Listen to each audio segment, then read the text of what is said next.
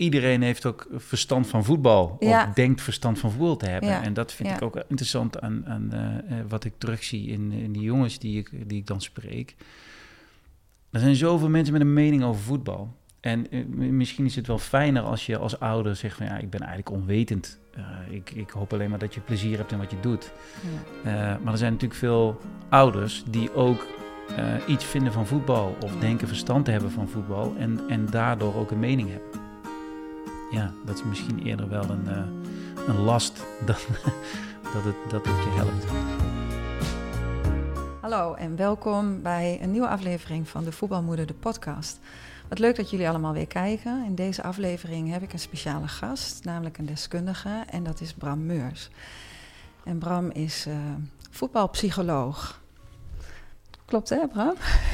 Onder andere, ja. Onder ik, andere. ik denk dat dat wel een goede omschrijving is. Ja. Ja. naast nog een heleboel andere dingen waar we het straks over gaan hebben. Want voordat we beginnen met ons gesprek, wil ik jullie vragen dat als je de podcast leuk vindt, om te liken en te delen. eh, met je, eh, op je socials en met je vrienden en familie. En eh, verder zou ik het fijn vinden dat als jij een ervaringsdeskundige bent of een deskundige en je wilt je eigen verhaal graag doen, dat je dan contact met me opneemt. En dat kan via e-mail. En dat is devoetbalmoeder.gmail.com. En op de social media kanalen. En daar ben ik op Instagram, de voetbalmoeder op Insta. Op Facebook ben ik de voetbalmoeder. En op LinkedIn ook de voetbalmoeder. Dus eh, nou, dat eh, lijkt me hartstikke leuk als ik eh, van jullie wat hoor.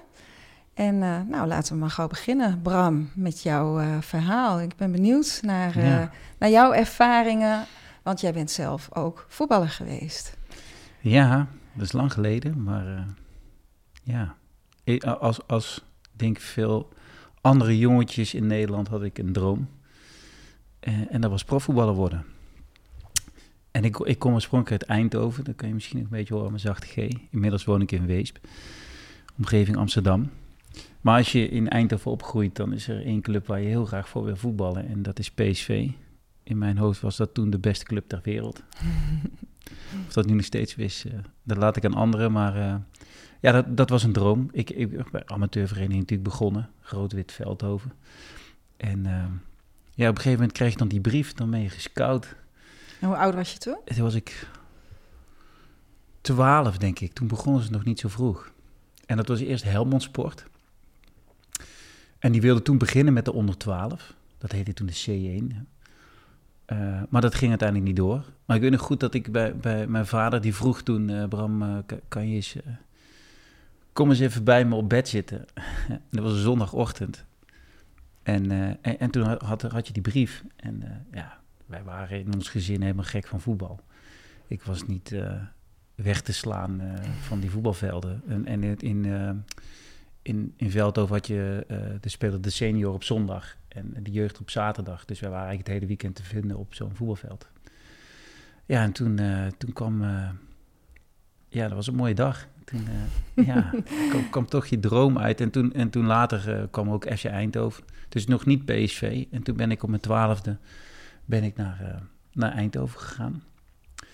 En ik had denk ik het geluk dat in zo'n voetbalopleiding zijn er natuurlijk maar een paar jongens die, ja, die uiteindelijk het, het redden of aan de bovenkant zitten van een lichting. En, en ik was een van die jongens. Dus ik ging telkens door naar de, naar de volgende eh, eh, leeftijdscategorie, dus van de C1 naar de, naar de B1. Ehm, en uiteindelijk kreeg ik ook een contract Ja. op mijn zestiende. En, En wat vonden je ouders ervan dat jij gescout werd? Ja, ik, ik denk dat mijn. Ik, ik, grappig dat je dat vraagt. Ik heb dat eigenlijk nog nooit zo expliciet aan mijn vader gevraagd of mijn moeder. Eh, maar ik denk dat mijn vader heel trots was. Eh, want want hij, eh, hij was vroeger ook, zegt hij, ooit gescout of heeft hij een testwedstrijd mogen spelen voor Willem II of zo. Maar hij is uiteindelijk niet gegaan. Dus we, weten, we kunnen dat niet testen. Oké, hij is niet naar die, naar die wedstrijd Ja, gegaan. volgens mij was dat, ging dat niet helemaal goed. Maar hij, hij kon goed voetballen. En, en, eh, Maar had hij zelf ook die droom om uh, Dat denk ik wel, ja. Dat denk ik wel. En hij is uit de lichting van Cruijff en, van Hanegem. Dus ja, ja, voetbal werd ons met de paplepel ingegoten. Ja. Ehm, du- dus ik denk wel dat hij heel erg trots was. En, en het was ook eigenlijk niet van... eh, ga ik wel, maar... ehm, Het was gewoon duidelijk dat je zou gaan. Ja, ik wilde dat. Ja. Eh, En ik denk ook wel dat mijn vader heel nieuwsgierig was hoe ver ik zou, zou komen. En mijn moeder, die, die had een hele andere hobby. Dus die, die eh, was met de natuur bezig. eh. ja, ik denk dat het een beetje de verdeling was. Zorg dat je wel je school doet. Mijn moeder en mijn vader, eh, ja, ze, wel degene die zich heel erg altijd om mijn eh, voetbalcarrière, voor zover je dat mag spreken, heeft bekommerd. Heb je je ooit wel eens gepusht gevoeld door je ouders? Nee, niet gepusht, omdat ik zelf dat heel graag wilde. Dus Ja. ik was altijd met een bal bezig, ik was altijd buiten. Maar mijn vader was wel altijd, eh, elke wedstrijd werd wel geanalyseerd aan een tafel als deze. En we hebben op een gegeven moment wel, want later, later ging ik dus naar PSV. ehm, daar heb ik anderhalf jaar gespeeld. En toen ging ik echt naar het eerste van Eindhoven. Daar heb ik tweeënhalf jaar gespeeld. Ja, daar, daar kom ik dan best wel wat andere dingen bij kijken. En ehm, Wat bedoel je dan met andere dingen die daarbij komen kijken? Nou, dan is het vrijblijvend er een beetje vanaf. Ik weet nog goed dat de overgang van, van jeugdvoetbal naar eerste elftal is voor een is sowieso een grote overgang. Eh, je bent van de beste, word je in één keer de slechtste, om het zo maar te zeggen. Dus als je een bal vroeg in de jeugd, dan kreeg je hem altijd. Maar bij, bij die grote mannen eh, was dat niet, eh, ja, wa- was dat toch anders. En je speelt in één keer met mensen die, die het is hun werk. Dus er moet echt gewonnen worden. Dat, dat, dat, eh, ja, dat, daar komt dus veel meer druk bij kijken. De omstandigheden veranderen, zo leg ik het altijd uit. De omstandigheden waarbinnen jij moet functioneren, waar je, waarbinnen jij je talent moet laten zien, die worden anders, ingewikkelder, denk ik. Ja, Je gaat in één keer in stadions voetballen. Je komt op tv. Eh, familie vindt er wat van. eh, vrienden vinden er wat van. Overal waar je komt gaat het eigenlijk over voetbal. En dat was bij ons thuis ook nog eens zo. Dus eh, ik heb, ik heb wel, wel mijn, vader eh, is ook wel eens gevraagd. Want die was lekker fanatiek langs de kant. eh, zeg, wij zijn de trainer en niet u. Dus, dus daar hebben wij wel gesprek over gehad. Maar het fijne was wel dat we daarover konden praten. Jij met je vader kon daarover ja, praten. Ja, uh, want oh. hoe, hoe was dat dan voor jou? Was hij daar zo langs het ja, veld dat is niet fijn natuurlijk. Wat deed dat met jou? Nou, je wil graag, ik wilde heel graag het goed doen. Voor wie? Allereerst voor mezelf, maar ik denk ook heel gezond is dat, dat je dat voor je vader wil doen als je ziet hoe het hem aan zijn hart gaat. Mhm. Ehm, dus, dus, en in ons fanatisme, eh, met alle goede bedoelingen, kan dat ook wel eens je tegenwerken natuurlijk. En eh, ik vond het wel fijn dat toen de trainers zeiden van, hé, hey, eh, beperk het even en la- laat het aan ons. Want wat gebeurde er toen bij jou, toen die Nou ja, trainers dat ik- ik- zeiden? Wat, wat bedoel je? Toen die trainers jouw vader daarop aanspraken? Wat, wat, ja, het is natuurlijk best wel dan ongemakkelijk, omdat? Ja? eh, om- maar, ehm, maar, ik maar je zegt, ik vond het wel fijn, want wat, wat veranderde er toen dan? Nou, omdat ik dat wel hoorde natuurlijk langs de kant, eh, langs de lijn. En, en dat doet wat met je. Ja, dat beïnvloedt gewoon je keuzes. ja. Dus dan ga ik je wat sneller gefrustreerd. Of, eh, ehm, waardoor je, nou dat weet ik natuurlijk inmiddels, dat als je gefrustreerd bent, wil niet zeggen dat je altijd de beste keuze op het veld maakt. Of dan zie je minder, kan je minder goed focussen. ja. Eh, ga je misschien wat te haast spelen, te Ja. gehaast spelen. Dus voor mij eh, kwam- was dat wel, eh, werd het daardoor wat rustiger. Ehm, maar wat ik al zei, ik, ik denk dat wij, ik ben opgegroeid in een gezin waarin we veel oplosten met praten. En uiteindelijk hebben we hier best wel veel over kunnen spreken. Ehm, maar dat neemt niet weg dat het, ik denk voor mijn vader, ook best wel een, een eh, eh, stressvolle periode was. Ja, ik, ik denk, eh, je, je bent ook voetbalmoeder, je zit op de tribune en je wil graag dat het goed gaat met je kind. ja. En ik wilde niks liever dan slagen. Alleen het lukte me niet. Die eerste periode bij Eindhoven, toen speelde ik wel alles, die eerste 15 wedstrijden, maar we stonden stijf onderaan. Ja, toen moest er wat veranderen in het veld. En ik was toen 19. En eh, ja, toen kwam ik op de bank. En eh, ja, dat, dat was ik niet gewend. Eh, dus ja, daar word je niet blij van. Dat, eh, dat, Nee. ik, vond dat, ik vond dat moeilijk. Ik koppelde toen ook heel erg mijn identiteit aan het voetballer zijn. Ik denk dat het ook best wel normaal is als je daar nooit hulp in krijgt. Dus als je dan niet speelt of, of slecht speelt, ja, dan ga je ook automatisch wat minder fijn voelen. Ja, dat is iets wat je heel vaak ziet, hè? dat die identiteit aan het voetbal gekoppeld wordt. Dus ja. Ja. de prestaties bepalen dan eigenlijk Ja, eh, wie jij waarde. bent. Ja, Uh, maar ik wil eigenlijk even nog terug naar dat je vader aan het uh, veld uh, stond. Ja. Um, want wat denk je, wat zijn reden is geweest waarom hij zich daar Helpen. zo gedroeg? Hij Hel- wilde jou helpen. Helpen, ja. En, en eh, eh, ik denk ook wel dat hij het spelletje goed zag. Dus dan Mhm. ziet hij dingen ehm, en wil hij juist... eh, er zit ook wel een trainer in hem, ondanks dat hij dat nooit echt geweest is. Dus ik denk dat dat vanuit... eh, en dat dat bij veel ouders zo is, dat dat vanuit een goed hart komt. Ehm, alleen dat, het, dat eh, het effect daarvan eh, misschien wel het tegenovergestelde kan zijn Ja. omdat een bepaalde druk op, een, op, op iemand legt. Eh, heb ik dat niet altijd zo ervaren. Maar mijn vader was wel altijd van... Hè, ehm, als het goed gaat, moet je niet te veel gaan zweven. En als het slecht gaat, moet je ook niet denken dat het helemaal... eh, dus die wilde mij graag, nou, laten we het gefocust noemen, houden. ja. Ehm, maar op een gegeven moment heb ik wel gezegd... ik vind het ook wel fijn als we gewoon... dat jij mijn vader bent en niet m- mijn trainer, weet je, dat werken. Ja, want daar wilde ik ook eigenlijk naartoe. Hè? Want vaak zie je inderdaad Ja. dat, dat de vaders dan eh, een, een stukje van de rol van de trainer overnemen. En soms zelfs wel helemaal, ook letterlijk, hè, eh, trainer zijn van een kind. Hè? Dat zie je in het Of amateur. eh, Precies, in het amateurvoetbal natuurlijk nog wel eens. En zelfs ook in het betaalde voetbal Ja. af en toe. Ehm, wat, wat vind jij daarvan? Wat is jouw gevoel daarbij? Eh, ik, ik, eh, ik begrijp dat. Ik heb zelf ook twee kinderen, dus ik voel dat, dat je graag wilt dat het goed gaat met je kinderen. En, en ehm, dus ga je.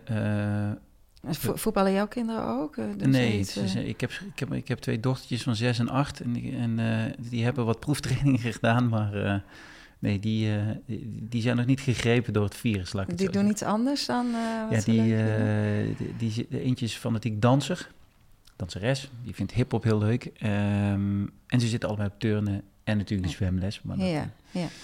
ehm, maar om, om, ik, ik, ik, zie dat, ik zie dat gebeuren. Ik kan het begrijpen, maar je ziet wel dat het vaak ehm, de speler of de speelster of de topsporter eh, niet, niet, niet helpt. En omdat als je zeg maar zo succesvol bent en je, en, je, en je steekt je kop boven het maaiveld uit, dan overal waar je komt, dat zal je denk ik kennen met jouw zoon ook, is dat het gaat over voetbal. Ja. Dus in elke ruimte waarin je komt, ben jij vaak ook nog eens de meest interessante persoon, want ze komen niet zo vaak een topsporter of een profvoetballer tegen. Ja, dan gaan mensen toch vragen stellen over, hey, hoe gaat dat nou eigenlijk? En eh, goh, ik zag je op tv. En, dus je moet het altijd over het voetbal hebben. En dan is het wel heel fijn dat als je dan thuis komt, dat je het ook ergens anders over kan hebben. En dat dan eh, de ouder de rol van de ouder op zich neemt en niet de rol van de coach, de supporter of de trainer, zoals je, zoals je het net omschrijft. Ehm, en en ehm, ja, da- daar zie je wel dat ouders hulp in kunnen krijgen. Eh, dat ze dat wat handiger kunnen aanpakken. En je ziet dat dat steeds meer ontstaat nu. Mhm. Eh, en dat is fijn. Ja, en als eh, een ouder ook echt letterlijk trainer is van een kind, ehm, dan krijg je een hele andere dynamiek. Hoe, hoe, Ja. zie- hoe zie jij dat? Nou, die zou je kunnen krijgen. Ik, ik, denk dat dat, eh, ik denk dat je als ouder, als je dat gaat doen, je heel goed moet afvragen eh, in welke situatie je stapt. Ehm, want het is natuurlijk wel te scheiden als je heel erg bewust bent van die dynamiek en, en, en je bent je er bewust van, dan kan je dat ook bespreken met je kind. Doe je dat niet, ja, dan, dan, dan kan het inderdaad eh, op een vlak komen dat het, dat het ze in de weg gaat zitten. En je krijgt dan ook misschien nog wel scheve gezichten van andere eh, ouders of kinderen. ehm, dat het ki- eh, de zoon of de dochter wordt voorgetrokken, iets in die zin. Dus ik denk als je eenmaal die keuze maakt om ook trainer te zijn van je kind, wat ik heel goed kan begrijpen, want ik zou dat zelf ook heel leuk vinden. Want Ja. het zijn hele mooie herinneringen. Je, eh, je maakt dingen samen mee. Ja, En je hebt ook een bepaalde positie ten opzichte van en eh, je, eh, je kind, maar ook ten opzichte van, eh, van de andere kinderen in het team. Ja. ja wat ik, wat ik eh, veel heb gezien in, dat, in dit stukje is dat ehm, eh, ouders juist veel strenger dan als trainer zijn kunnen, tegen ja. hun Ja. eigen kind. Ehm, en dan denk ik van ja, dat is ook niet oké natuurlijk. Hè? Nee, dan krijg je dus compensatiegedrag van oké, Ja. dan. En, en dat bedoel ik met dat je even, eh, voordat je de keuze maakt, moet beseffen: oké, in welke situatie kom ik terecht? Wat zijn de valkuilen van mijn Ja. gedrag? Ja. Uh, en, en, maak dat bespreekbaar of bespreek dat met, met, uh, met je partner. Of, uh, want ja, het, het, heeft natuurlijk wel effect op de ontwikkeling van het kind in de sport, maar zeker ook daarbuiten. Want ja. het kind kan, het, kan de rol niet scheiden. Nee, precies. Je, en dat is het hem. Hè. Je, kan, ja. je kan het vader zijn op dat moment ook niet uitzetten. Je Nee. bent altijd vader van. Ja, Je bent niet altijd de trainer van, Ja. maar wel altijd de vader dat van. zeg je mooi. Ja. En nou ja, dat, dat hebben wij zelf ervaren. Want Raymond is drie jaar trainer van Ennio geweest. En ehm, op dat veld ben jij de trainer van, maar ook de vader van. Dat Ja. kan je niet uitschakelen. Nee. En als jij als vader jouw kind dan eh, strenger gaat behandelen of eh, voor gaat trekken, en vooral met strenger behandelen, dan kan je daar een kind wel echt mee beschadigen. Dat zou kunnen, ja. Want dan gaat een kind natuurlijk denken van ja, maar hallo, eh, waarom krijg ik iedere keer Ja. hè, dingen op mijn kop? Jij bent mijn vader en- en bij je vader moet je veilig zijn. En zeg jij dan dat, dat, ehm, dat het...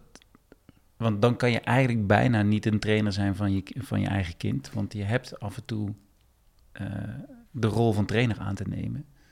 Is dat wat je... Of wat zou jij ik- doen? Nou, ik denk dat het kan. Ik denk dat het eh, voor Raymond en Ennio in elk geval heel succesvol is gelukt. Ja. Ook als ik kijk naar de andere kinderen en ouders Ja. op dat moment.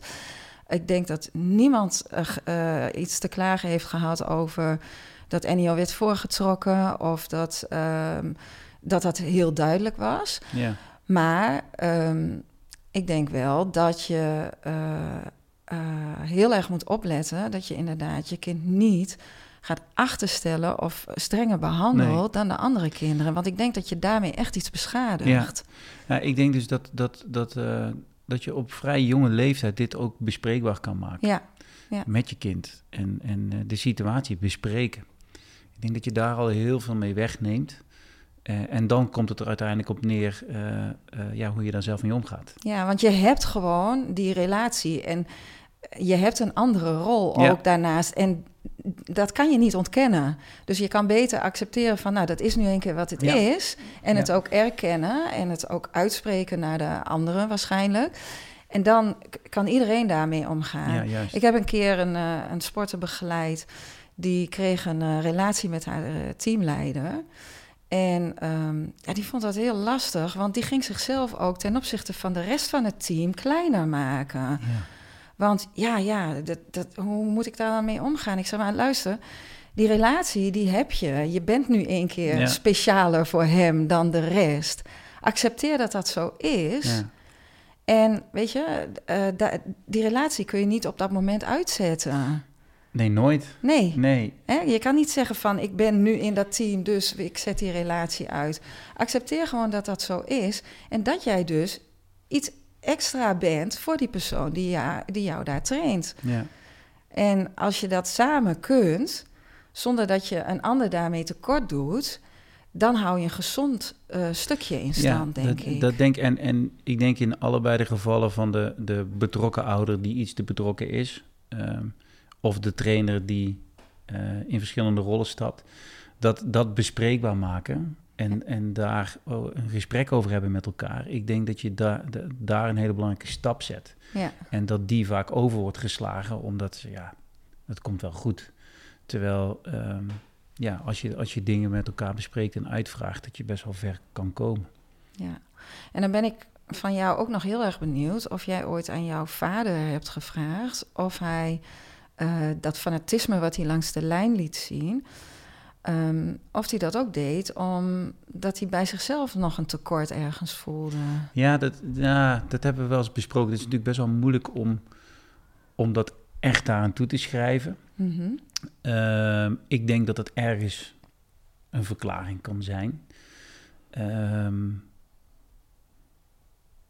maar of hij echt dat geprojecteerd heeft, de, de, zover wil ik denk ik niet gaan. Ik, ik denk dat hij voornamelijk wilde, omdat hij ook zag dat het erin zat en dat hij zag van, hé, hey, hey, ja, uh, uh, ik weet dat je het heel graag wilt. Ja, ja. Uh, ik, ik, gun het je. Ja. En, en, ik zie dat het net niet lukt of dat mensen bepaalde keuzes maken. Um, ja, ik denk, ik denk dat het meer daar vandaan komt. Um, omdat hij ook niet. Uh, ja, ik, ik, ik heb niet het gevoel gehad dat hij zo'n tik heeft gehad van het zelf niet hebben kunnen redden. Dat, ja, eh, dat, dat kan. En, dat- en dat is heel fijn. Hè? ja, Ik bedoel, eh, ja, Rijmond die gaat ook niet aan de kant eh, staan en het loopt ook niet Ennio te pushen. Om, ja, want die heeft dat niet nodig. Die heeft zelf wel zijn eigen stuk eh, gehad. Ehm, maar onze dochter die kunst gaat, weet je, die gaat zo vanuit een intrinsieke motivatie. Ja. En, wat jij ook zegt, van dat je laat zien dat je het zelf heel graag wilt. ja. Dat je wel als ouder wilt ondersteunen, maar dat je niet het kind hoeft te pushen, omdat je daar zelf iets in hebt gemist. Ja, dat, dat. Dus je hebt ook een beetje een misvatting dat je, van, van je invloed, denk ik. Ja. Dat je denkt van, eh, dat je heel veel dingen gaat voorzeggen, terwijl ja, dat, de, de impact die je daarmee hebt of de, de meerwaarde die je daarmee creëert, die is niet zo groot. Nee. Daarbij leer je ook eh, dan je kind eh, niet zelf keuzes maken. Dus ja, ik, ik zeg het ook eens tegen trainers die ik begeleid. Dus Als je eenmaal, als dat fluitje gaat en de wedstrijd, eh, eh, ja, die, die ontvouwt zich, dan moeten die jongens het zelf doen. Of dan moeten die meiden het zelf gaan doen. Ehm, en als jij dan nog heel veel bij moet sturen langs de kant en alles moet voorzeggen, ja, je, ik vraag me dan af wat je dan, eh, wat je daarmee bereikt. Zeker als je in een stadion staat. Dus- Ja, wat ben je dan eigenlijk aan het doen, hè? nou ja, die, jouw, jouw, jouw, jouw hele week is in het, heeft in het teken staan van het beïnvloeden van gedrag. Eh, en daarnaast, daarna moeten die jongens toch zelf keuzes maken. Natuurlijk, als jij bepaalde tactische dingen ziet gebeuren en zij spelen anders dan dat je verwacht had, of je, je wil een extra man ergens creëren, dat je dan ingrijpt. Maar ehm, ja, ik- denk dat, eh, dat, uiteindelijk het vertrouwen geven, letterlijk door naar de zijkant te stappen Ehm, en alleen maar coachend, eh, stimulerend je coaching oppakken, dat dat veel nuttiger is. Ja. Ehm, tenzij er echt, nogmaals, tactisch eh, ingegrepen moet worden, dat is dan je taak. Maar ver- verder eh, zou ik lekker langs de kant gaan zitten. En, eh, ja, als coach heb je het dan. Ja, maar over, dus ook als ja. ouder. Ja, ja, ehm, ja. En dan kan je achteraf hè, in een gesprek, eh, kan je er rustig op terugkomen. Zo van, oké, hoe vond je dat het ging? ja, ja, precies. Dat is al een hele andere vraag dan dat je zegt van eh, dat, dat je zelf al eh, een keuze maakt van hoe het gegaan is. Ja, precies. Ja.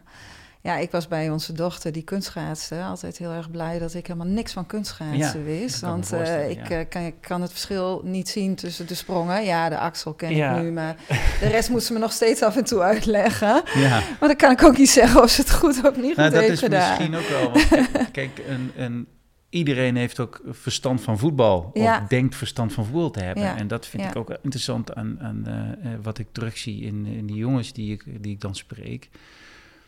Er zijn zoveel mensen met een mening over voetbal. En eh, misschien is het wel fijner als je als ouder zegt van ja, ik ben eigenlijk onwetend. Ik, ik hoop alleen maar dat je plezier hebt in wat je doet. Ja. Maar er zijn natuurlijk veel ouders die ook iets vinden van voetbal of denken verstand te hebben van voetbal en, en daardoor ook een mening hebben. Ja, dat is misschien eerder wel een, eh, een last dan dat, het, dat het je helpt. ja, en voetbal is natuurlijk heel toegankelijk, hè? want het, je kan het overal doen. Ja, Heel veel mensen, jongetjes, meisjes, eh, voetballen. Het eh, is een redelijk goedkope sport ten Ja. opzichte van heel veel andere sporten. en het is heel leuk. Het is heel leuk. En ehm, ja, als je jong bent en je kijkt naar de grote voetballers dan, en je wilt dat bereiken, dan heb je ook hè, het beeld van je, voor je van die grote voetballers. Ja. Met, met, met alles wat daarop en aan eh, Ja. hoort. Eh, dus het is een, eh, een sport die redelijk makkelijk bereikbaar is voor iedereen eigenlijk.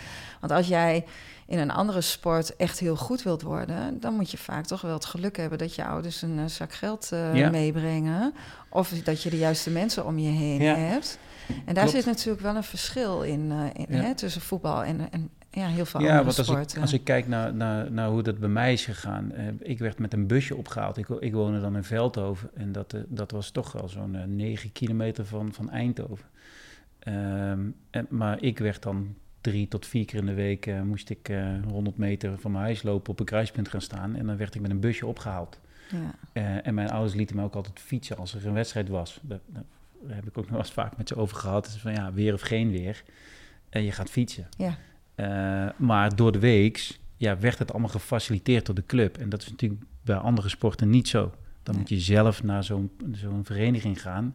En vaak is je eerste vereniging dichtbij, lokaal. Maar wil je hogerop komen, ehm, in het basketbal, volleybal, turnen, en zwemmen enzovoort, dan zit die, die betere club toch een stuk verder weg. Ja, hoe ga je daar komen?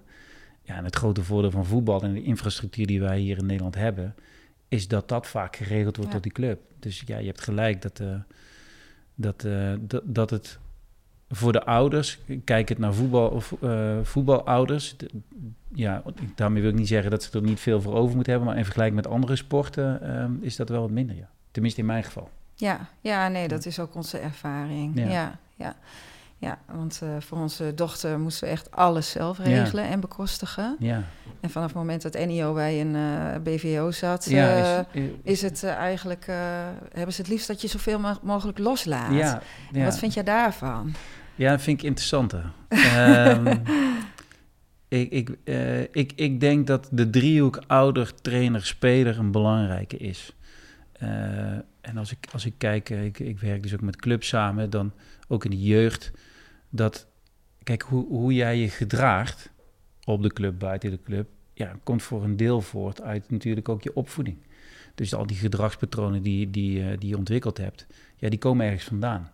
En daarbij proberen wij, eh, of proberen wij, probeert een club een speler zo goed mogelijk te beïnvloeden eh, op een manier dat hij of zij betaald voetbal haalt. Ja, dan is de rol van de ouder natuurlijk best wel belangrijk. Dus ik, ik denk dat de, het betrekken van de ouder eh, heel belangrijk is.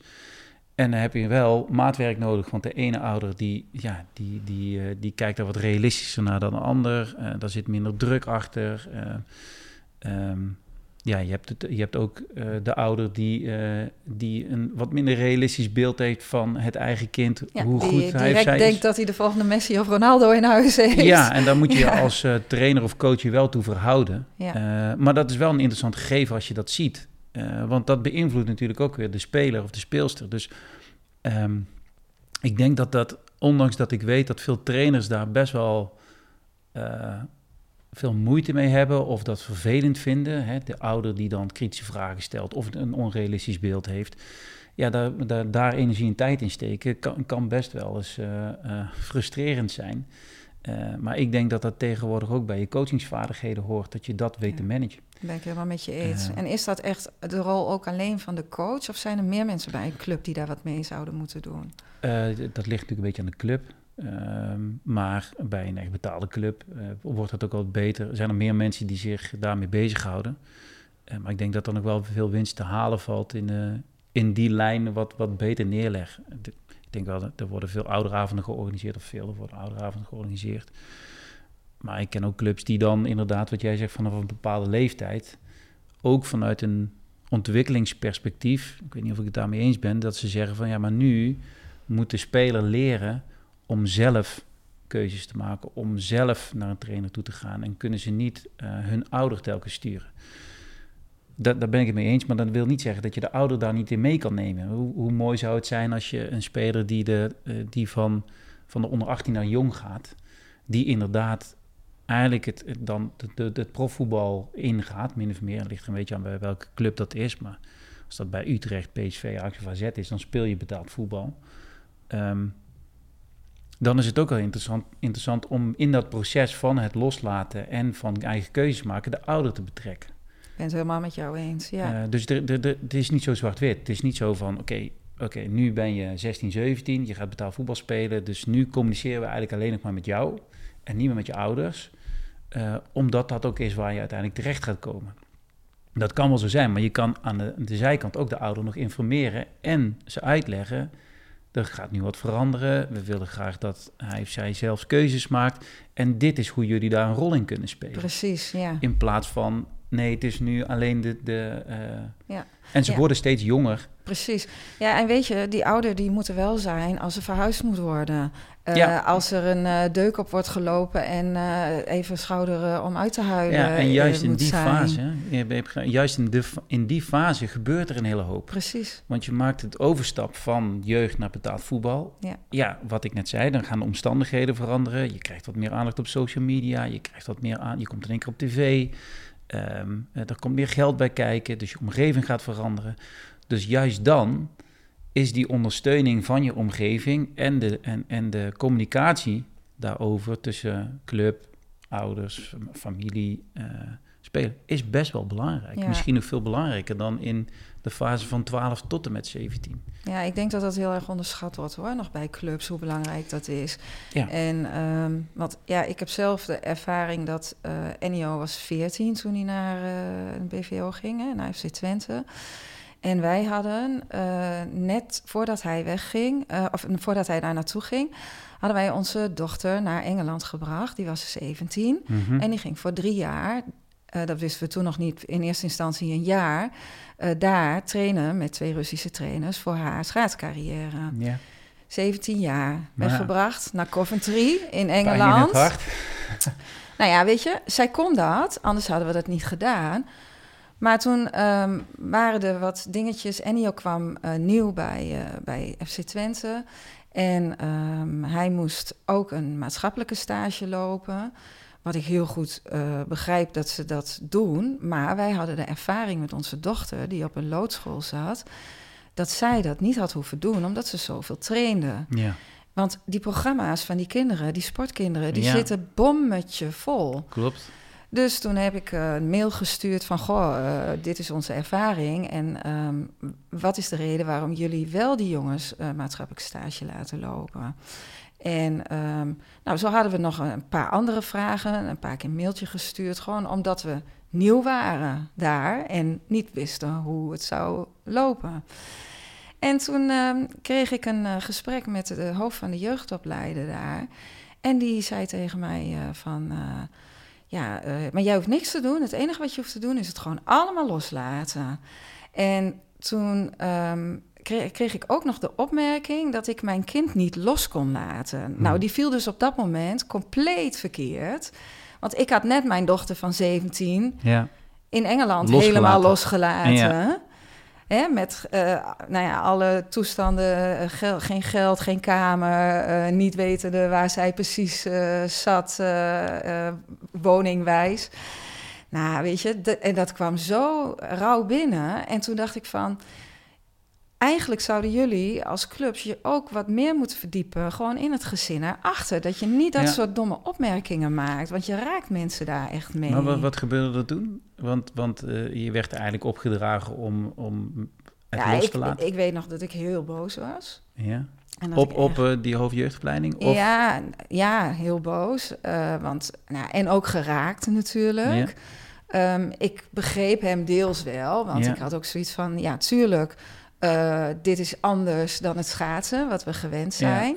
En daar moet ik ook aan wennen. Heb ik ook tegen hem gezegd. Ja, weet je, dat moet je ook snappen. Dat is voor mij ook een leerproces. Ja. Maar uh, ja, en hier zit hier nu net. Maar ik vind serieus dat de dingen anders gewoon geregeld kunnen worden. Ja. Dus, maar goed, weet je, daar wordt soms wat mee gedaan en soms niet. En in dit geval? Um, nou ja, heb ik vooral moeten leren om, uh, om, om wat minder me daarmee te bemoeien. Maar dan heb je het over een kind van 14 jaar, waar ik als ouder hè, ontzettend verantwoordelijk voor ben. Ja. En als daar iets misgaat, uh, ben ik degene die de scherven bij elkaar moet zoeken. Ik vind, vind dat wel een interessante dynamiek, omdat ik merk dat eigenlijk de, de, de, er zijn sommige ouders die, die inderdaad uh, het lastiger maken voor een club, uh, die, die onredelijke eisen stellen of onredelijke vragen stellen. Alleen ik heb het idee dat dat kleine groepje, het, het de goedwillende, de goed communicerende, uh, dat, het voor, dat dat groepje verpest het eigenlijk voor voor die, uh, die ouder die wel in, in, in, in een, uh, een dialoog wil. Ja. En waar je ook een prima dialoog mee kunt voeren. Uh, van, hé, hey, laten we dit eens samen doen. Maar omdat ze de ervaring hebben dat het een aantal keren ja, gewoon heel lastig wordt en, en, en soms ook verwijtend wordt, hebben ze zoiets van, oké, dat, dat doen we dus niet meer. We gaan het gewoon helemaal zelf doen en we houden iedereen buiten de deur. En dat is eigenlijk zonde. Ja. Dat snap ik als het gaat om het kleine groepje. Maar er is een best grote groep van ouders die echt wel snapt dat, dat eh, hun kind niet alles kan spelen. Echt wel snapt Ja, dat, dat, eh, dat het werkt zoals het werkt. En dat ze graag in gesprek willen over, ja, maar hoe gaan we daar met elkaar mee om? Het is niet zo dat we jullie gaan beschuldigen van, hé, hey, ik wil dat mijn kind alles speelt of eh, jullie gaan slecht. Nee, we willen graag in een dialoog blijven, omdat wat jij zegt, het kind komt wel bij mij thuis. Ik moet het opvangen, maar ik heb helemaal geen informatie van hoe jullie Precies. met ze omgaan. ja. Ja, en dat, en dat is wel een, zonde. Ja, want, want je bent en blijft als ouder de verantwoordelijke voor Juist. jouw kind. En Ja. dat wordt nog wel eens onderschat, heb Ja. ik het idee. En wat jij zegt klopt, dat dat kleine groepje eh, het verpest, dat begrijp ik heel goed. Maar da- ook daarin denk ik dat een club, eh, mensen bij een club, ehm, mogen gaan kijken wat speelt er in die Ja, gezinnen. juist, juist, juist. Want eh, waardoor reageren die ouders zo? Ja. En dat is bijna altijd vanuit pijn of een tekort bij die ouders zelf. Ja, en dan is de vraag, waar ligt je verantwoording als club natuurlijk? Daar ben je niet verantwoordelijk nee, voor. maar je kan het wel beter duiden daardoor. Precies. Maar laat daardoor niet je beleid... Je gaat je beleid niet afstemmen op het, op het, op het kleine groepje. Je gaat je beleid afstemmen op de grote groep. En, Ja. en toch zie je vaak, dus niet alleen in het voetbal natuurlijk of bij een andere... maar dat het, dat het beleid eh, wordt afgestemd op degene die het, eh, het meeste onrust veroorzaken. Maar Ja. dat is vaak een klein groepje. Ja, en dat is zonde. Ja. Ja, dat is echt heel zonde. Want ja, Ja. ik eh, zou er echt voor pleiten dat er Ja, eh, iets ik. meer gekeken wordt naar wat is de eh, situatie bij kinderen thuis. Ja. En hoe, ja, wie zijn die ouders eigenlijk daarachter? En wat maakt dat ze reageren zoals ze reageren? Nou ja, en vooral vanuit een mindset, we kunnen elkaar versterken. Precies. We kunnen elkaar helpen. Ik denk dat je daar letterlijk mee de kans vergroot. Kijk, het belang van die vereniging of van die, van die club of van die, is dat het kind. Uiteindelijk gaat het. Nou, dat is misschien een beetje plat van me, maar uiteindelijk gaat het ergens natuurlijk ook om geld. Eh, hoe krijgen wij zoveel mogelijk jongens of meiden in de opleiding in het eerste elftal? Ja, ik denk helemaal niet dat dat plat is, want dat is natuurlijk het Ja. doel uiteindelijk. Nou, als we dat het doel hebben, ik denk dat je daarmee de kans, dat je de kans vergroot als je een goede verstandshouding hebt met de ouder. Precies. in een cruciale fase van, eh, van, eh, van, eh, van het leven, de puberteit, dat je goed samenwerkt. Daarmee vergroot je de kans dat het kind succesvol is. Dus ja, het is eigenlijk heel gek dat ze, dat ze juist de kans verkleinen door de ouders buiten te houden. Ja. Ik denk dat dat, Ja. dat het anders kan. Ja. ja, want er zijn natuurlijk ook heel veel jongens die, en meisjes die eh, uiteindelijk afvallen. En jij hebt mij eh, ooit in een eerder gesprek eens gezegd van... nou, ik zie mijn carrière eigenlijk niet als geslaagd. Maar waar, waar zit hem dat in? Ja, ik, ik vind dat lastig, omdat ik, ik kwam toen bij, dat heette toen nog de A1 van PSV. Ik werd aanvoerder en, en mijn lichting was, de, bij PSV was Huntelaar en Paul Verhaar. Eh Gino Coutinho, die, die hebben het uiteindelijk gered, maar wij speelden tegen Van Persie, tegen eh, Glenn Lovis, tegen eh, Sprokkel. Dat zijn allemaal jongens die uiteindelijk betaald voetbal hebben gehad. Bij Ajax was het Van der Vaart, Snijder, Heitinga, Stekenburg. Ja, dat was een mooie lichting. Ehm, Ja, Robben, niet te namen, vergeten, ja. Robben niet te vergeten. Dus, de, dus en dat, en En ik was aanvoerder van het team. Dus ik kwam ook bij het Nederlands elftal. Alleen ik kreeg toen ook last van mijn knieën en ik raakte geblesseerd. Dus ik, ik, ik heb ook een beetje hekel aan, dat het, eh, aan jongens die zeggen... ja, ik heb pech gehad of ik heb niet de juiste trainer gehad.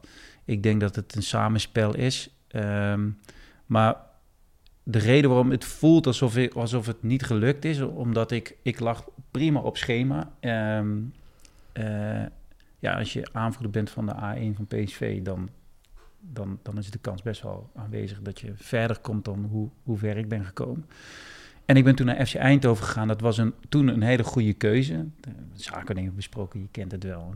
Want, eh, want eh, nu wordt het een beetje technisch, maar eh, PSV huurde mij van FC Eindhoven. Ja. Vaak is het natuurlijk andersom, dat Eindhoven spelers huurt van PSV. Maar dat was in Mhm. kader van samenwerkingsverband.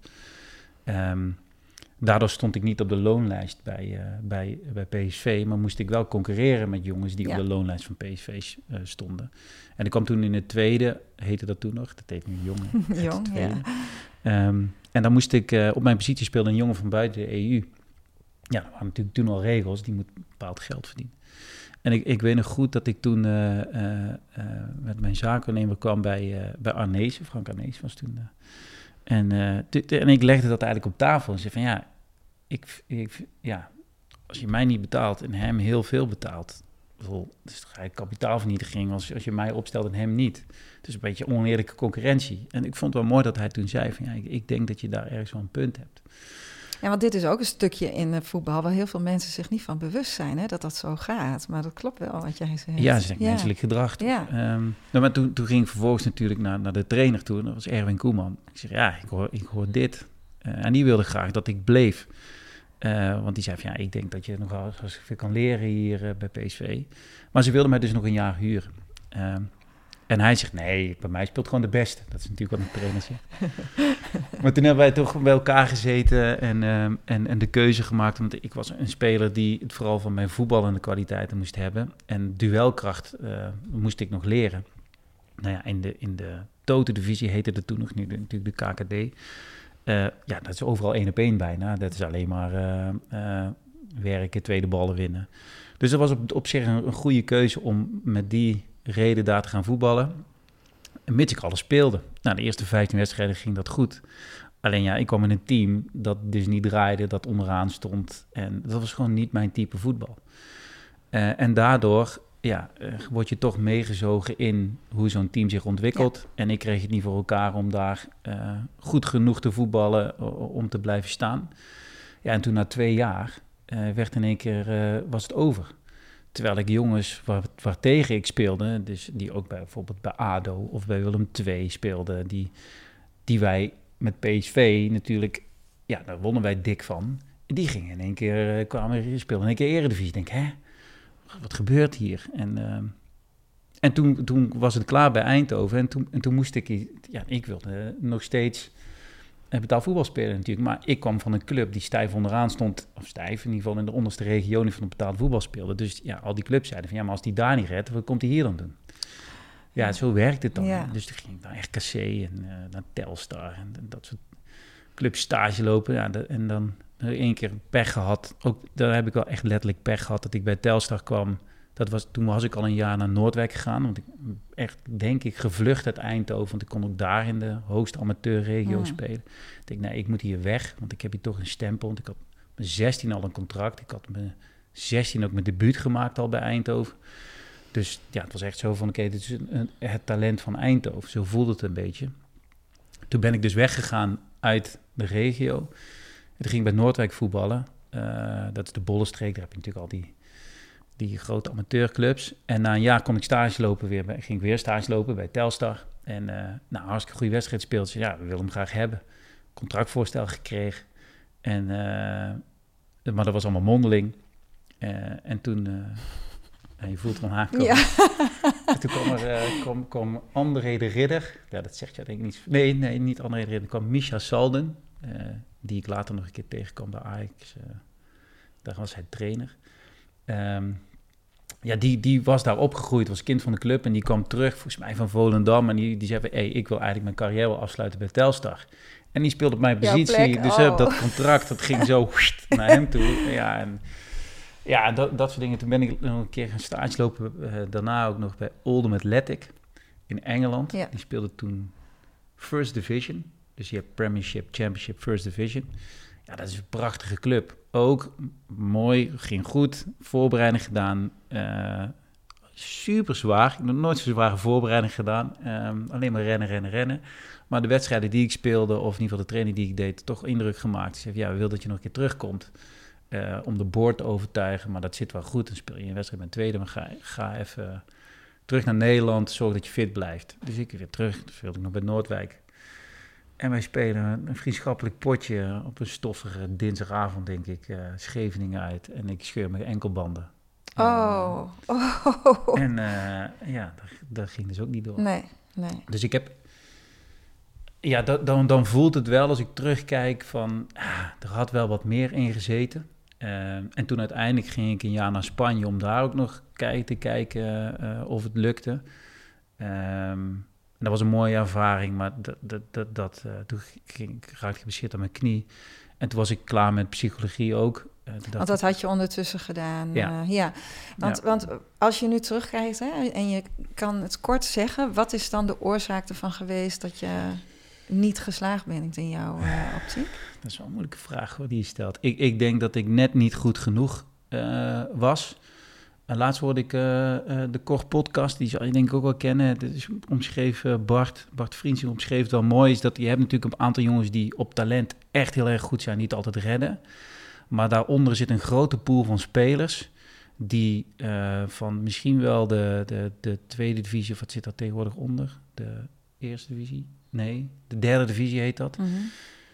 Die allemaal ongeveer even goed kunnen voetballen. Ja, hard En- ervoor moeten werken. Ja. Ja, dus die, maar die net op het juiste moment een trainer eh, tegenkomen die het in ze ziet zitten. Of in een team komen wat er gaat lopen. ehm, ehm, en dan speelt de factor geluk ook ergens Ja. mee. Ehm, maar ik wil zeker niet toeschrijven aan geluk, want ik heb op de juiste momenten niet laten zien wat ik kon. Ik had op de juiste momenten niet een trainer die, die het in me zag zitten. Dus denk een combinatie van. ja. En, en, en ben jij toen opgevangen nog, toen jij eh, eh, hè, op het punt kwam van, nou ja, dit is voor mij eh, afgelopen, Nou, de- betaalde om- voetbal? het voelde niet meteen als afgelopen. Ik heb dus heel lang best wel nog. Ik heb dus Ja, al vier jaar gevochten om Ja. erin terug te komen. En in die tussentijd had ik eigenlijk ook een hele fijne periode bij Noordwijk. Want ik leerde nieuwe vrienden Mhm. kennen. En ik merkte dat ik daar gewaardeerd werd. Dat was ik een van de betere spelers. Dus ja, dat voelde eigenlijk ook al als een hele fijne tijd. Ehm, waarin ik ook, eh, ik, had, ik had mijn hele leven lang in het teken van voetbal ges- gesteld. En daar gaat het toch iets anders eraan toe. En daar gingen we ook af en toe stappen en zo. Ja. En, eh, of af en toe gingen we veel stappen. een beetje Ehm, inhalen ook? Of, eh, ja, misschien wel. Dus ja. dat was ook een hele mooie tijd. Dus ja, ik heb dat eigenlijk eh, ehm, gradueel kunnen verwerken. ja. Heb je daar hulp bij gehad? nee. Nee, dat heb ik. Dat, Zou dat, nodig zijn geweest als je er nu op terugkijkt? Nou, dat denk ik wel. Anders zou ik mijn eigen vakgebied een beetje tekort doen. Ik denk dat het wel heel fijn is dat je eh, daar met iemand over kan spreken van... oké, wa- wa- wa- wat doet dat nu met je? En eh, wat voor plek geef je dat? Al als ik kijk naar wat ik nu doe... kan, heb, kan ik nu alleen maar doen wat ik nu doe... eh, doordat ik die ervaring Door heb gehad. ervaringen, ja. Dus ik heb het voetbal ook echt gebruikt om, om eh, iets nieuws te vinden waar ik ook diezelfde passie in vind als die ik had voor het voetballen. Dus ik ben, dus ik ben, het, ik, ik ben het ook wel heel erg dankbaar ja. dat, het allemaal gebe- dat ik het mee heb gemaakt. En ik merk elke keer als ik met iemand spreek dat het mijn geloofwaardigheid ten goede komt. Ja. En ik, ik snap hoe een kleedkamer werkt. Ik heb ook in de Kuip gespeeld, ik heb in de Arena gespeeld, ik heb in al die stadions gelopen. Ehm, en niet, eh, en ook op een hoog niveau. Of nou, hoog niveau. ja, dus je begrijpt het. Ja. Ja, je kan je beter verhouden tot. Ja. Ehm, en dat maakt nu hetgeen wat ik doe, het, het, het coachen van sporters, van mensen die, die een bepaalde ambitie hebben, ja, dat helpt. ja. Is dat ook de reden waarom je psychologie bent gaan studeren? Ja, dat denk ik wel, ja. Ja? Dat denk ik wel. Nou, mijn, mijn vader heeft eh, in de gehandicaptenzorg gewerkt. Mijn moeder heeft bij de gemeente en later bij de politie gewerkt. Dus zijn toch wel een beetje eh, banen in het zorgdomein. Mijn, mijn broer heeft psychologie gestudeerd. Dus ja, daar, mijn omgeving die ademde wel wat meer... ja. eh, Ja. eh, we, we houden ons bezig met mensen. Dus, en ik heb nog een blauwe maandag economie gestudeerd. Dus ik had VO afgemaakt en toen ging ik net naar PSV. Ik dacht, ja, ik ga toch maar, ik ga, ik ga maar wat doen. En dat heb ik twee maanden volgehouden. toen dacht ik, nou, dit, dit vind ik helemaal niet zo leuk. Ik wil gewoon nu gaan voetballen. En toen ging ik ook net naar PSV. Dus, ja. eh, dus wist ik, dat, dat wil ik in ieder geval niet. En toen ben ik eigenlijk in mijn laatste contractjaar bij, bij Eindhoven... dacht ik, ja, als het nu hierna klaar is... dan moet ik wel iets, nu, moet ik iets hebben om op terug te vallen. Dus toen, en dat was een hele leuke combinatie, ben ik eigenlijk eh eh, soorten gaan trainen. En dat was een topsoortregeling op de, op de CUP, de Katholieke Universiteit Brabant. Dat heette daarvoor de, ik zal het niet noemen, maar K, KUT, Katholieke Universiteit Tilburg. Ehm, eh, ben ik daar dus een deel van het eh, van de propeduisjaar heb ik daar al gedaan. En daardoor kon ik makkelijker in, in eh, Leiden en later Amsterdam kon ik, kon ik daar de studie oppakken. Ja. Ehm, maar toen- ja, en al snel stond, ontstond toen de combinatie tussen psychologie, voetbal, presteren. ja, want dan heb je een heel mooi boek. Ja, Kopsterk, hè? Heel dik boek. een heel, heel dik mooi boek. boek. Ja, ja. Waar gaat deze over? Nou, deze is eigenlijk, eh, die, die is eh, vorig jaar opnieuw uitgekomen. Dus een herdruk, heruitgave. Eh, maar eerste druk is in 2010. En dat is eigenlijk het eerste voortvloeisel uit combinatie psychologie, voetbal, presteren. Want dat was nog niet eerder gedaan, Nee, denk ik, hè? nee, nee, nee. Ik, ik was echt, ik ben toen heel veel vragen gaan stellen en ik merkte dus zelf in de opleiding bij Eindhoven, bij PSV, maar ook alle andere jongens die ik sprak, van hey, wordt er eigenlijk wat gedaan aan die psychologische kant van voetballen? Nee. En het werd toen ook echt nog een neer- neergezet, als je daar niet om kan gaan, dan ben je gewoon niet goed genoeg. En ik wist inmiddels door mijn studie dat de wetenschap van sportpsychologie en alle methodieken uit de psychologie, ja, die kunnen een speler, maar ook een coach en een team gewoon helpen om meer te gaan winnen. Dus toen eh, eh, kreeg ik op een gegeven moment een lezing van een sportpsycholoog, Toon Dame. Eh, en eh, toen ben ik naar hem toegestapt. Zeg, hey, ik heb deze ervaring, deel jij die? Ja, die deel ik zeker.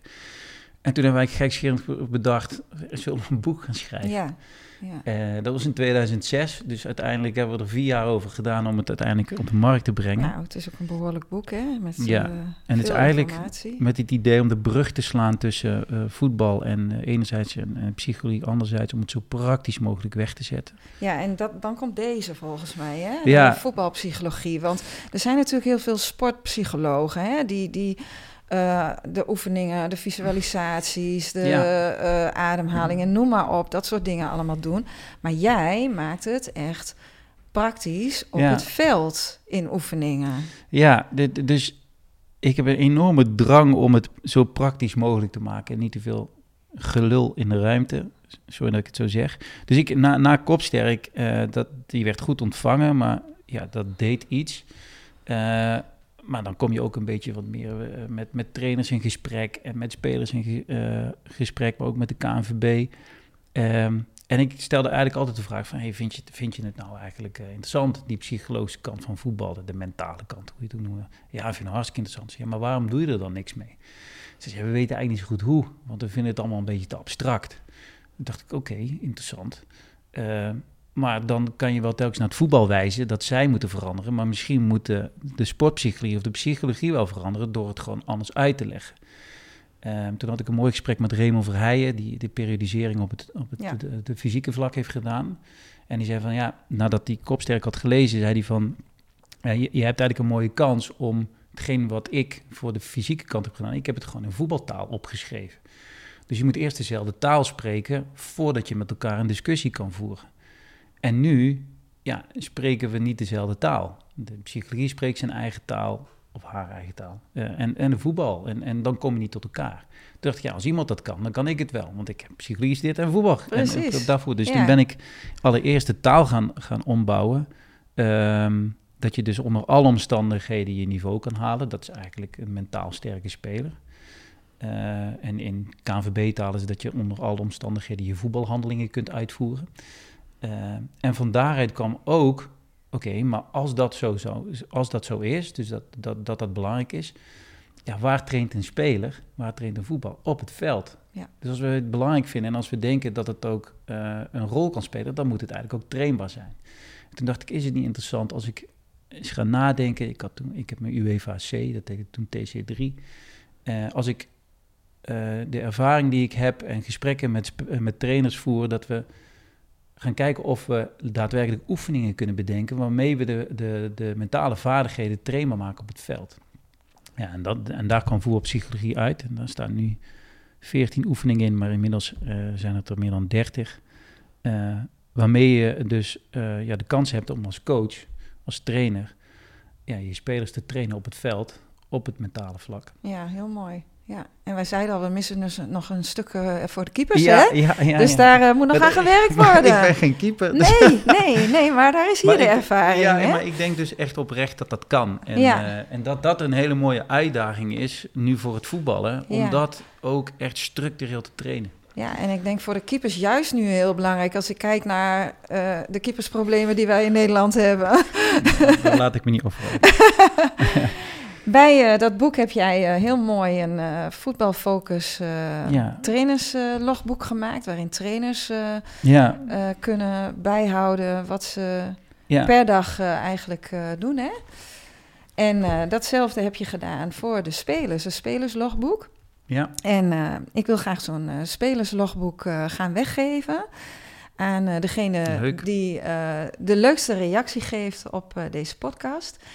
Eh, die eh, ga ik een, eh, een voetbalfocus spelerslogboek toesturen.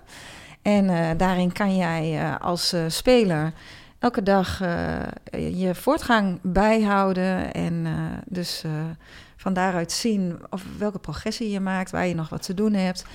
Uh, want de dingen opschrijven is mijn ervaring, ik denk ook die van jou, is super, super belangrijk om progressie te maken. Ja, het, die, die, die, twee boeken die, uh, die heb ik recent uh, geschreven, of geschreven, bedacht eigenlijk. Het komt een beetje voort uit mijn ervaring van de afgelopen vier jaar bij FC Utrecht. Heb ik in de technische staf gezeten. Maar ook de spelers die ik begeleid in mijn praktijk, is dat spelers willen wel graag, maar ze houden het niet zo vaak vol. Mhm. Ehm, en toen ben ik gaan nadenken, hoe komt dat nou eigenlijk? nou ja, en dat sluit eigenlijk ook aan op voetbalpsychologie. Kijk, de technische, tactische en fysieke vaardigheden worden eigenlijk gefaciliteerd door een voetbaltraining. Dus een speler die komt, en nu chargeer ik een beetje, maar die, die ondergaat de training of de, mhm. die, die volgt de training die, die voor hem bedacht is. En daarmee traint hij zijn vaardigheden. Maar de mentale kant, die zit daar eigenlijk niet in. Dus wil je die Ehm, wil je die ontwikkelen, dan zul je er ook elke dag aandacht aan moeten besteden.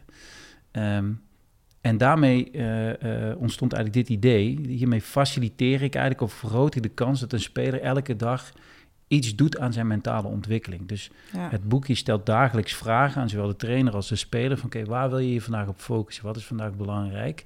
En vervolgens uh, stel je dus kleine doelen voor die dag. Um, maar heb je ook een oefening aan het einde van de dag van... oké, wat is nou eigenlijk goed gegaan? Dus dat je de focus houdt op het positieve. En je gaat reflecteren. Ja, heel en mooi. Je hebt het over schrijven, maar eh, eigenlijk is het reflecteren. Dus op het moment dat je reflecteert op je, op je ontwikkeling elke dag... dan weten we vanuit de wetenschap dat je ontwikkeling gewoon sneller gaat. Ehm, en, en, vandaar uh, dit boek. Dus ja, dat zijn eigenlijk drie dagen. Je hebt een trainingsdag, een wedstrijddag en een rustdag. Dat is het leven van een voetballer of van een trainer. Ja. Ja, en daar zitten schablonen in die, uh, die je in 10 minuten s ochtends en 10 minuten s avonds invult. Nou, dan besteed je dus 15 à 20 minuten aan de mentale kant van je voetbalcarrière. Ja, heel mooi. Ja, dan, dan, uh, dat, dat is in verhouding tot die andere is dat nog relatief weinig. Ja. Maar daarmee uh, ja. ja maak je wel... Dat is prachtig. Hey, maar jij zegt van er zijn vaak spelers die het toch niet helemaal volhouden.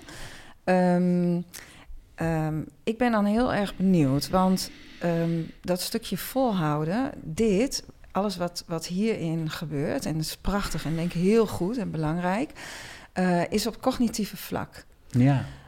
Um, wat, hoe zie jij dat? Wat komt er vanuit het onderbewuste waardoor spelers dingen niet vol kunnen houden? Want daar, dat is mijn werk, hè, ik ja. ben hypnotherapeut, zit natuurlijk heel veel um, vanuit het onderbewuste, uh, familiesystemen. En dan niet alleen maar het familiesysteem met ouder of uh, opa en oma, maar nog veel verder terug. Ja.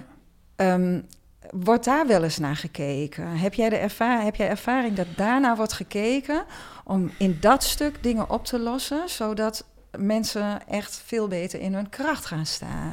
En bedoel je vanuit de club of vanuit de, dat, dat spelers daar naar op zoek gaan? Ja, dat spelers daar naar op zoek gaan. Of dat jullie als, uh, nou ik weet, noem jij jezelf sportpsycholoog? Of begeleider of coach. Ja, of dat hè, mensen zoals jij, dat jullie daarmee werken. Ja, nou, ik, ik, uh, daar kun je alleen mee werken als je daartoe geschoold bent. Ja. Uh, ik, ik heb niet die expertise zoals jij die hebt. Dus um, als dat zo is, dan verwijs ik door. Mm maar in mijn gesprekken ga ik wel altijd op zoek naar hoe ben je opgegroeid, wat, is je, wat zijn de patronen die daar ontstaan zijn, enzovoort. Maar veel verder dan dat kan ik niet teruggaan. Nee. Het is wel een interessante zoektocht om te kijken waardoor dus bepaalde patronen ontstaan. Um, dus of dat nu plaatsvindt, dat weet ik niet. Um, uh, maar je ziet wel dat het steeds normaler wordt om daarnaar op zoek te gaan. Dus het zou me niet verbazen als er spelers op eigen initiatief bij uh, collega's van mij terechtkomen die daartoe wel geschoold zijn of bij jou terechtkomen. Uh, en daarin geïnteresseerd zijn. Ja, ik denk dat dat een belangrijk stukje is. Ken jij um, Danny Doc, Donachie, zeg je dat iets? Ja. Danny is um, een mental coach in Engeland. heel lang directeur van medische afdelingen bij ja. um, Aston Villa en Everton geweest. En Danny heeft onze dochter ooit behandeld okay. toen zij schaatste in Engeland. Ehm, en Danny post prachtige eh, dingetjes op eh, Instagram. Eh, nee, ja, Instagram, maar ook op LinkedIn vooral. Vooral op LinkedIn heeft hij mooie teksten. Ehm, en hij heeft een podcast en dat heet de Lobster Brain Podcast. En hij heeft die grote namen in, dat is echt fantastisch. Ehm, en hij deed daar een interview in met zijn vader. Zijn vader is Willy. Willy is speler geweest van Schots eh, elftal, speler Ja. van Manchester City en nou ja, allerlei andere mooie clubs in Engeland. Ehm, maar daar, eh, daar ligt een familietrauma onder. En Danny schreef op een gegeven moment een post op eh, LinkedIn van de eerste week van mijn leven was mijn vader er niet. Toch heeft dat de band met mijn vader niet beïnvloed. Ehm, ondanks dat mijn vader met zijn vader geen contact had. Oké. En dat, dat, hij, dat zijn opa en zijn vader geen contact hadden, had te maken met een oorlogstrauma Mhm. van zijn opa, eh, onder andere. En eh, toen zegt hij, maar de manier waarop mijn vader mij opgevoed heeft en nooit zijn traumadeel op mij geprojecteerd heeft, daar ben ik hem zo dankbaar voor. Ja, En dan schrijft hij onder die, eh, onderaan die post, zegt hij, Dad, do the work. En dat vond ik zo mooi. Toen dacht ik van, eigenlijk zou elke ouder deze podcast eens moeten luisteren. Nou, dat is fantastisch. Ja, Dus, en, maar ook zoals voor jou, ja het is heel interessant om dat eens te gaan luisteren. Van hoe is die man, die een grote voetballer was, ehm, maar vanuit een heel eh, ingewikkeld eh, familiesysteem kwam, ehm, zo ver gekomen dat hij ja, gewoon heel vrij in zijn relatie met zijn eigen zoon stond. En hem daardoor dus ook vrij kon laten in wat hij wilde. Ja. En hem niet hoefde te pushen. Nou, ik, ik denk dat eh, uiteindelijk gaat het om gedrag. En Ja, hoe mensen zich nu gedragen, eh, daar eh, geïnteresseerd in zijn, nieuwsgierig naar zijn. Ja, dat is wat ik doe, wat wij doen. Dus ik, ik werk bijvoorbeeld samen met de Talentenacademie. Dat is ook het gedachtegoed daarvan. Van oké, we kijken er veel holistischer naar. Niet alleen maar Ja. naar de... Kijk, de sportpsychologie heeft het vaak over eh, vaardigheden. Die staan ook allemaal netjes in het boek. Eh, maar dat zijn eigenlijk pas technieken eh, die je kunt inzetten als je beter begrijpt naar waar je gedrag vandaan komt. Precies. Ehm, en, en een manier om daarnaar te kijken is het voorbeeld wat je nu geeft. Dus ja, ik- interessant. Ik, ehm, Ja, zeker de moeite waard ik moet zo eh, nog een, een, eindje tuffen, dus dan Ja. zal ik hem in de auto Ik even... zou het gaan doen, ja. leuk. En ehm, nou, dus eh, maar super, super leuk en super goed dat, eh, dat jij deze boeken hebt geschreven en dat ik ehm, eh, een eh, voetbalfocus eh, eh, kan weggeven. Ehm, als laatste wil ik nog graag van jou weten, wat is jouw beste tip of beste tips voor ouders? Oh, oeh. Hè, een ouder die ja, aan het begin van zo'n traject staat, nog bij zijn kind als jeugdspeler eh, staat te kijken. Eh, dat is een goede vraag, daar overval je me een beetje mee. Dus ehm, ik krijg best wel veel vragen van ouders die zeggen... hé, hey, mijn kind is gescout. Nou, dat is dus de reden waarom ik de podcast begonnen ben. Moet ik dit doen? Ja, Ja. of nee? Doe ik hier goed aan? Ja, precies dat. En ik zeg dan eigenlijk altijd, eh, leg ik een beetje uit hoe zo'n jeugdopleiding is, is opgebouwd. Dan heb ik het wel specifiek over voetbal. Hè? Ehm, en die, die is nog steeds hetzelfde zoals ik hem heb meegemaakt. Er zijn een, er zijn een paar jongens die het gaan redden. En eigenlijk de rest, chargeer ik misschien een beetje, die is er om die drie, vier te laten voetballen. Ehm, en ik heb het geluk gehad om altijd eh één van die vier te zijn. Dus wat dat betreft is mijn ervaring niet eh, hetzelfde als, eh, of laat die niet leidend zijn voor jouw keuze. Daardoor heb ik namelijk een fantastische jeugdopleiding gehad. eh, heel veel mooie wedstrijden kunnen spelen, veel dingen kunnen zien. Ik heb er heel veel van geleerd. Ehm, dus ik, ik denk dat je je eh, als ouder als eerste dat goed hebt te beseffen. Dat er, eh, dat, dat, dat er slechts een paar dat redden. En dat jouw rol daardoor eh, in het ondersteunen van je kind heel belangrijk wordt. Eh, zowel als die een van de vier is, of, eh, eh, of je nummertje 5 tot en met, ja, wat is het tegenwoordig, 25 is. Ja, Ehm, en ik vind een hele fijne mindset is, is ga niet veroordelen wat je ziet, maar wees nieuwsgierig. Eh, ehm, en stel vragen. Dus kom niet te snel in aannames. En ga met elkaar het gesprek aan wat, ja, wat je ziet, eh, wat je waarneemt ehm, eh, en wat dat met jou doet en, of wat het met je kind doet. Dat Eh, vind ik heel mooi dat je dat zegt. Want het gaat heel vaak over het hoofd, maar dat brengt je naar het gevoel. Ja, En ja, dus- eigenlijk gaat het daarover, hè? ja, ja, dat stuurt natuurlijk een hoop aan. Ja. Eh, dus het is de, de, de- je, je houding. eh, Het is niet zo dat als jij, als je kind bij in een opleiding komt, dan kom jij ook in een opleiding. Eh, en dat vraagt wat van, je, van jou als ouder in, in gedrag. Eh, en daarmee kan je heel belangrijk zijn. Maar je kan ook de boel eh, moeilijker maken doordat je echt te veel druk op zet, te veel je bemoeit, te veel de rol als co-trainer, co-coach op je neemt. Ehm, ehm, ja, en dan Ja. krijg je het stukje dad, do the work. ja, dad do the work. Dat is het werk wat, nou niet dad, maar ook mom, do the work. precies, ja. Ehm, Beide. Ik heb heel veel werk gedaan hoor, kan ik je vertellen. ja, dus, dus, eh, ik, ja, ik, denk, ik denk dat, dat dat besef, dat je dus niet, dat niet alleen je, je dochter of zoon in de opleiding komt, maar dat jullie als gezin in de opleiding komen en dat dat van iedereen wat vraagt. Ja. Dus everybody do the work. heel goed. Eh, Die houden we erin.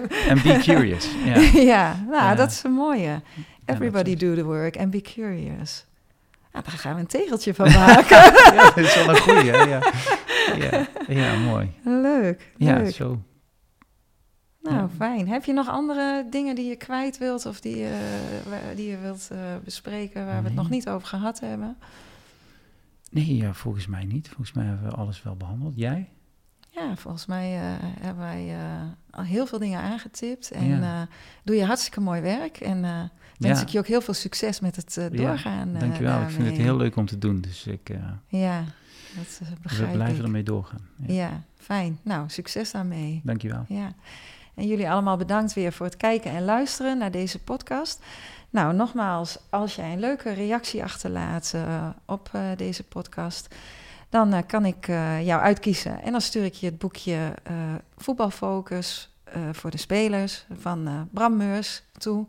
En dan kan je daar je eigen proces mooi, in gaan, mooi in gaan volgen, opschrijven. En eh, bedankt voor het luisteren nogmaals en tot de volgende keer.